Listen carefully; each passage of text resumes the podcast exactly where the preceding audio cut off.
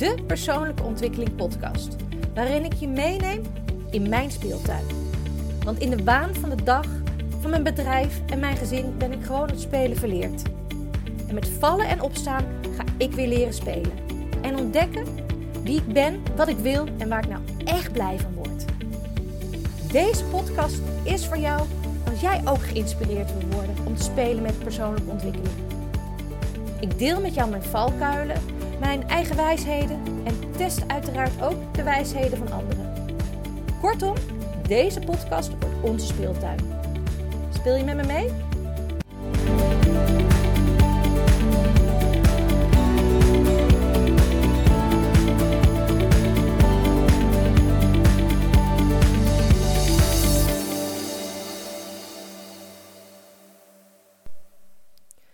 Als jij een podcast luistert, ga je dan ook doedelen of, of aantekeningen maken?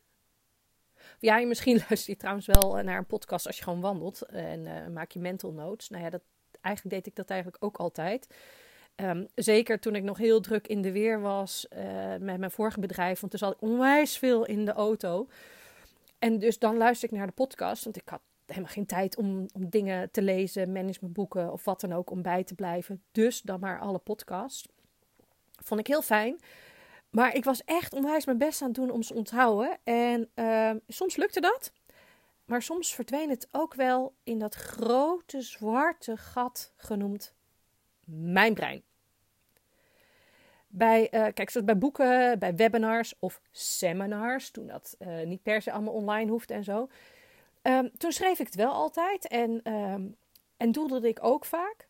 En meestal las ik mijn aantekening niet eens terug, maar dan had ik toch ergens een, een haakje in mijn hoofd gecreëerd omdat ik het had opgeschreven. Want dan ben ik echt bewust aan het opnemen van alle stof die er verteld wordt, of interessante dingen waar ik iets mee zou moeten of zou kunnen. En dat is op zich logisch, want aan de ene kant zet je dus je, je rechter hersenhelft aan, aan de andere kant je linker hersenhelft. Want je bent heel rationeel informatie aan het verwerken, maar tegelijkertijd spreek je ook door te, bijvoorbeeld te doedelen je, je creatieve kant aan. En dat maakt het makkelijker om je brein in beweging te krijgen en dus om dingen te onthouden. Alleen al die, die haakjes die dat dus dan weer creëert in je hoofd, die zitten allemaal wel weer ergens um, verstopt.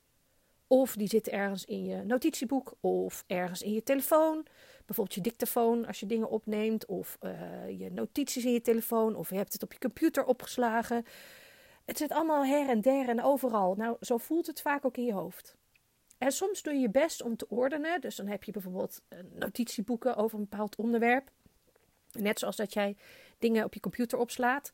Van dit moet in map A. En in map A is het, eerste mapje. En in het eerste mapje dan heb je uh, mapje X. En zo um, probeer je een soort van logisch systeem in te delen. Um, zodat je wel ergens het ooit kan terugvinden. Net zoals dat ik vroeger met, uh, met foto's deed. Toen ik met een camera de foto's maakte en niet met mijn telefoon. Dan deed ik bijvoorbeeld jaartal, uh, ik zeg maar wat, 2006.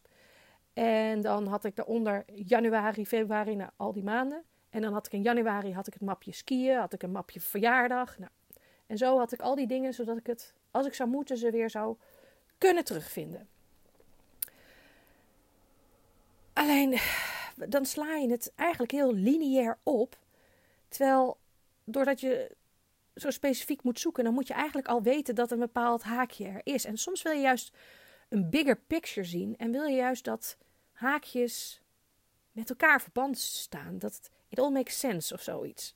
En dat is niet alleen maar bij mensen zoals ik met een long covid of mensen met burn-out, die dus gewoon constant in een grijze waas leven.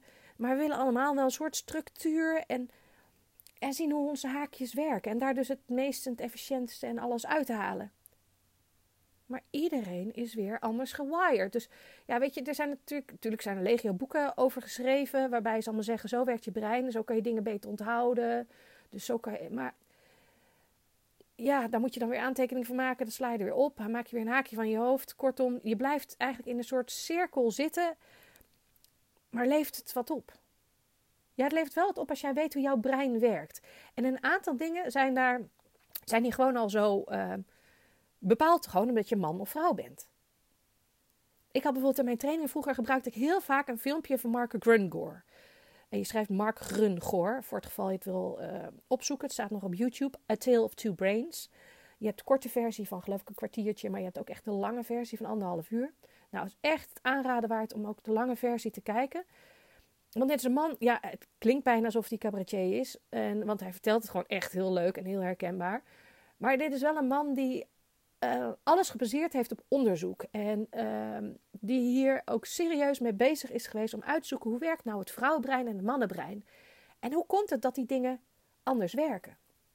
Ik bedoel, voor een vrouw is het heel logisch dat jij de vuilniszak als je bij de achterdeur zet, dat als een man die tegenkomt, die je straks in de kliko moet gooien. Maar een man denkt, goh, wat staat het ding hier in de weg? Net zoals een vrouw vaak denkt, nou, als ik iets op de trap leg, dat betekent het, als iedereen die er langs loopt, ah, handig om mee naar boven te nemen. En een man stapt eroverheen. Als een vrouw zegt, uh, zou je willen stofzuigen? En de man zegt ja, denkt de vrouw, waarom doe je dat nu niet meteen? En de man denkt, ik heb toch ja gezegd, kan ook straks. Het, het is, weet je, hij vertelt het gewoon op een hele hilarische, uh, herkenbare manier. Want ondanks dat ik echt wel ben voor alle uh, gelijkheid in, in seks en in rassen en in alles en wat dan ook. Ja, zijn er toch een aantal dingen waar we niet omheen komen, kunnen, omdat we gewoon zo gewired zijn. Het verschil bijvoorbeeld tussen een mannenbrein en een vrouwenbrein is dat een man werkt heel erg in hokjes en laadjes in zijn hoofd. Als hij in dit hokje bezig is, kan hij een ander hokje met rust laten. Dus je kan echt heel afgebakend uh, kan je vragen stellen of aan een project werken. En dat is, daarom zeggen ze ook wel eens, mannen kunnen niet multitasken, omdat ze echt met hun hele vakje bezig zijn. En terwijl vrouwen hebben zo'n brei waarbij alles met elkaar verbonden is. Dus het is, nou, uh, dat is totaal geen logica. Dat is gewoon tot de kortsluiting komt. Nou, dat kan hij ook heel goed uitleggen. Een voorbeeld wat hij bijvoorbeeld ook geeft is dat als iemand belt eh, met er is een kind geboren. Vroeger deed dat namelijk altijd nog heel veel bellen. Hè? Toen kende hij, dat is ook wel een oud filmpje. Toen kende hij ook telefoonnummers nog uit je hoofd. Maar, um, en dan een man vraagt, nou is iemand geboren? Oké, nou gefeliciteerd. En, en klaar. En een vrouw, die, en als een man de telefoon heeft opgenomen en vertelt het later tegen die vrouw. En die vrouw vraagt dan meteen, oh en hoe heet hij? Uh, ja, weet ik niet. Oh, mijn jongetje, meisje. Ja, dat weet ik niet. Ja, dan moet ik toch weten voor mijn cadeautje. En uh, hoeveel weegt hij? En uh, hoe lang is die? En nou, eigenlijk al die details die ergens heel handig voor zijn of voor vrouwen te weten, die willen we allemaal weten. En die man denkt, god, er is gewoon een kind geboren, wees blij. Dus het verschil van hoe we soms ook gewoon dingen kunnen benaderen hierin. En tuurlijk zijn er ook mannen die iets meer in, een, in touch zijn met de feminine side. En vrouwen die iets meer dat chak, chak, chak, vrouw, mannenbrein erin hebben zitten. Maar uh, dit is hoe het bij de meeste mensen zo is. En mannen hebben zelfs een vakje en dat heet de Nothing Box. Nou, dat is echt een gave box. Ja, ja, echt serieus. Want mannen kunnen dus ook aan niks denken. Echt helemaal niks. Daarom zijn ze bijvoorbeeld ook zo goed in, in vissen en zo. Gewoon aan niks denken. De vrouwen kunnen dat niet. Of de 9 van de 10 vrouwen kunnen dit dus gewoon niet. Daarom krijg je vaak zo'n situatie dat een vrouw vraagt: Waar denk je aan? En de man zegt niks. En de vrouw denkt, hoezo niks? Dat kan helemaal niet. Je kan nooit aan niks denken. Dus die denken meteen dat de man iets achterhoudt of, het, of zijn eigen ding bezig is. En terwijl jij gewoon heel geïnteresseerd wat wil weten. Zeg ik nu vanuit mijn, mijn vrouwenbrein. Hè? Dus daarom kan ik dit uh, ook zo zeggen. Weer disclaimer bij alles. Het is in zijn algemeenheid zo. Maar ja, voor veel is dit wel herkenbaar. Nou, en hij vertelt dat dan ook nog echt superleuk. Maar dit was even een sidestep, want waar, waar, ik het over had, was eigenlijk alle informatie komt bij jou binnen en je wil een soort structuur krijgen en die structuur is voor iedereen anders. En dat kan dus van afhangen omdat je man-vrouw bent, maar kan ook gewoon zijn omdat jij andere genen hebt dan iemand anders, want je hebt allemaal andere ouders die jou hebben voortgebracht. Of, er zijn allemaal redenen waarom jouw brein anders in elkaar zit, dus ook anders je informatie gestructureerd wil hebben. Maar eigenlijk willen we allemaal dat iets nieuws wat erin komt connect met iets ouds wat er al in zit. Zodat je als een soort machientje zo plop, er een nieuw inzicht uitkomt. En soms lukt dat als je ergens heel bewust mee bezig bent. Uh, bijvoorbeeld omdat je denkt van nou, ik luister een podcast nog voor een tweede keer terug. Sommige mensen doen dat. Of uh, gaan naar een lezing bijvoorbeeld voor een tweede keer. En dan hoor je toch echt andere dingen. Ik ben bijvoorbeeld vrijwilliger bij het Stadskasteel. En daar hebben we een onwijs gave uh, conservator. En die conservator kan vertellen, je hangt echt aan zijn lippen. Maar die conservator heeft ieder kwartaal eigenlijk een soort rondleiding door het kasteel voor alle eh, vrijwilligers, zodat nieuwe weten wat een beetje wat meer de geschiedenis is van het kasteel. Maar ook gewoon dat je een beetje up-to-date blijft en weet wat er, wat er speelt. Nou, ik ga dan eigenlijk bijna altijd wel mee. En de reden daarom is ook omdat ik dan meteen content kan maken voor de sociale media. Want mijn taak daar is de sociale media van uh, het Stadskasteel uh, levend houden met leuke feitjes. Dus ik ga dan ook mee en dan probeer ik te schrijven. En eigenlijk vertelt hij in grote lijnen altijd hetzelfde verhaal. Ja, natuurlijk soms ook wel nieuwe weetjes, nieuwe dingen, omdat hij zelf weer nieuwe dingen heeft ontdekt. Of omdat er andere vragen komen. Maar ik haal er altijd weer iets anders uit. Gewoon omdat ik er met een andere bril naar kijk. Gewoon omdat ik er nu naar kijk met een andere ervaring dan ik de eerste keer had. Bijvoorbeeld de eerste keer dat ik bij zo'n lezing zat.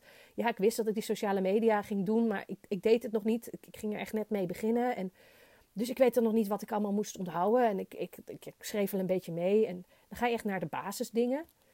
Terwijl nu weet ik al veel meer, oké, deze informatie heb ik al gebruikt, het heb ik al gedeeld. Hoe kan ik hier vanuit voortbouwen? Dus ga ik heel bewust naar andere haakjes op zoek. En kan ik dus ook weer andere content maken. En hetzelfde is ook wanneer je iets nog een keer leest, dan kan soms ook een, een boek lezen, kan soms hele andere boodschappen hebben. Ten eerste omdat je het de eerste keer niet zag. Ten tweede ook omdat de, tweede keer dat je leest, is het daartussen is tijd verstreken. Dus je hebt andere ervaringen gehad. Dus andere haakjes in je hoofd waar je het weer aan op kan, kan hangen. En daarom is het ook helemaal niet zo gek om af en toe je aantekening is weer terug te lezen. Want dan zie je opeens haakjes die je gewoon eerder niet zag. En ga je associëren. Eigenlijk op zo'n manier dat wat je doet wanneer je op een mooie uh, zomerdag op je rug ligt en je kijkt naar boven en je ziet de wolken en je gaat zoals vroeger denken, ja, welke vorm heeft dat? En dit is echt niet zo alleen voor kinderen. Dit moet je als volwassen ook doen. Want het is heel goed voor, voor je manier van associëren. Voor creatieve mensen om creatiever te worden. Maar ook gewoon voor andere mensen om je brein in een soort associatiemodus te brengen. Want je kijkt bijvoorbeeld naar een vorm, naar een wolk. En je ziet de vorm. En je ziet bijvoorbeeld uh, um, een hond. En dan kan je ook gaan denken van nou, wat maakt nou eigenlijk dat ik een hond zie? Wat, wat, is dat door de vorm van de wolk, door de neus? Is het door het structuurtje wat het heeft? Of door, doordat hij op vier poten loopt? Dat maakt het bijvoorbeeld ook veel handiger als je dat soort dingen doet. Als je hem later weer wilt tekenen of reproduceren. Omdat je gewoon heel erg de karaktereigenschappen van die hond ziet. Dus je krijgt echt een, een, naar wolken kijken. Je geeft dan echt een soort magisch, ja, magisch effect, zou ik maar zeggen. Alleen, het zou mooi zijn, kijk, op deze manier, als je naar wolken gaat kijken of je aantekening teruglezen en zo, of nog een boek keer lezen, dan dan ben je heel bewust al die haakjes aan het opzoeken om ergens te gaan verbinden. Maar soms weet je bepaalde haakjes niet meer, dus je kan niet alles bewust gaan opzoeken. En dan zou het mooi zijn als je in je hoofd een soort free flow systeem hebt die automatisch haakjes met elkaar uh, verbindt. Dus dat wanneer jij een hond ziet in een wolk, dat het automatisch koppelt aan een ander haakje wat met een hond te maken heeft. En dat je zo een soort kettingreactie eigenlijk in gang zet tot het, dat ene Eureka-moment. En toen ik dat, weet je, toen ik dat, dit bedacht ik me laatst een keer, dacht ik, oh, dat zou handig zijn, dan gaat dat vanzelf. En oh, wauw, en dan ben ik weer optimaal met mijn brein bezig. Aan de andere kant dacht ik, dat is echt wel super vermoeiend. Want je moet alles eigenlijk weer opnieuw beleven. En al die haakjes ga je eigenlijk toch weer, al is het onbewust, maar toch weer allemaal langs of zo. Weet je, ik wist vroeger, wist ik, alle nummerborden uit mijn hoofd. Dus als ik een nummerbord, niet, niet bewust hoor, maar als ik een nummerbord zag, wist ik uit welk jaartal die kwam bijvoorbeeld. Of ik wist onzinfeitjes. Ze noemden me op een gegeven moment zelfs Anna Wikipedia. Want ik, alle onzin dingen, die onthield ik. Dus ik was een soort RTL Boulevard en uh, ik, al dat soort dingen wist ik. Dingen die ertoe deden, misschien wat minder. Aan de andere kant, het is de vraag of iedereen vindt dat het ertoe doet wie welk doelpunt wanneer in welk jaartel op welk WK heeft gescoord. Maar weet je, daar zijn de meningen natuurlijk over verdeeld. We hebben allemaal ons andere brein en onze andere haakjes, zal ik dan maar zeggen. Maar om even terug te pakken, als je alles dan weer opnieuw zou moeten beleven. Uh, mijn herinneringen zijn natuurlijk wel altijd gekleurd. Hè? Ik heb, zie ze wel altijd door mijn perceptie, door mijn masker of door de manier hoe ik de wereld zie. Want als jij bijvoorbeeld dezelfde situatie meemaakt, kijk je soms heel anders naar een situatie. Iets wat ik heel vervelend kan vinden, kan jij bijvoorbeeld heel fijn vinden ook. En mm, ik leg misschien de nadruk heel erg op de kleuren en structuren die ik zie, en terwijl jij heel erg de nadruk legt op wat er op dat moment gezegd is. Dus iedereen heeft niet echt een, een, herinnering zoals het in een film is. Je, hebt echt, je, maakt er, je maakt er eigenlijk je eigen herinnering altijd wel een beetje van. Terwijl me wel helpt dat als ik in mijn schetsboek zit, mijn troepboek, om mijn herinnering beter vast te leggen. Want ik ben dan echt uh, met al mijn zintuigen bezig. Want als je namelijk schetst, dan ben je zo bewust met dat zintuig bezig, met, met het kijken en de vormen en er iets van te maken, dat automatisch andere zintuigen ook worden geactiveerd. Dus wanneer ik bijvoorbeeld mijn schetsboek terugkijk, dan zie ik opeens situaties, maar dan weet ik ook weer wat ik voelde op dat moment. Of wat ik aanhad, of de geuren of de geluiden. Het, het, het activeert dan een heleboel in mijn brein, omdat er zoveel haakjes aan vastzitten. En natuurlijk kan je even een foto maken, maar tegenwoordig met die mobiele telefoons maken we overal foto's van. En dan gaat zo hap, snap, snap. Waardoor je ja, wel iets leuks ziet, dus je maakt een klein haakje. Maar niet, de hele belevenis die eromheen zit, is veel minder. Dus ja, het is een haakje, maar als ik schets, heb ik extra ankertjes, zou ik maar zeggen, om, die, um, om dat haakje vast te zetten. Waardoor er veel meer voor mij eigenlijk naar boven komt tijdens het, het schetsen dan bij een foto. En ja, tuurlijk zal ik daar ook nog een stuk van inkleuren. En zal het toch anders in mijn brein nestelen dan bij iemand anders. En soms is dat echt super onhandig wanneer je een slechte herinnering hebt.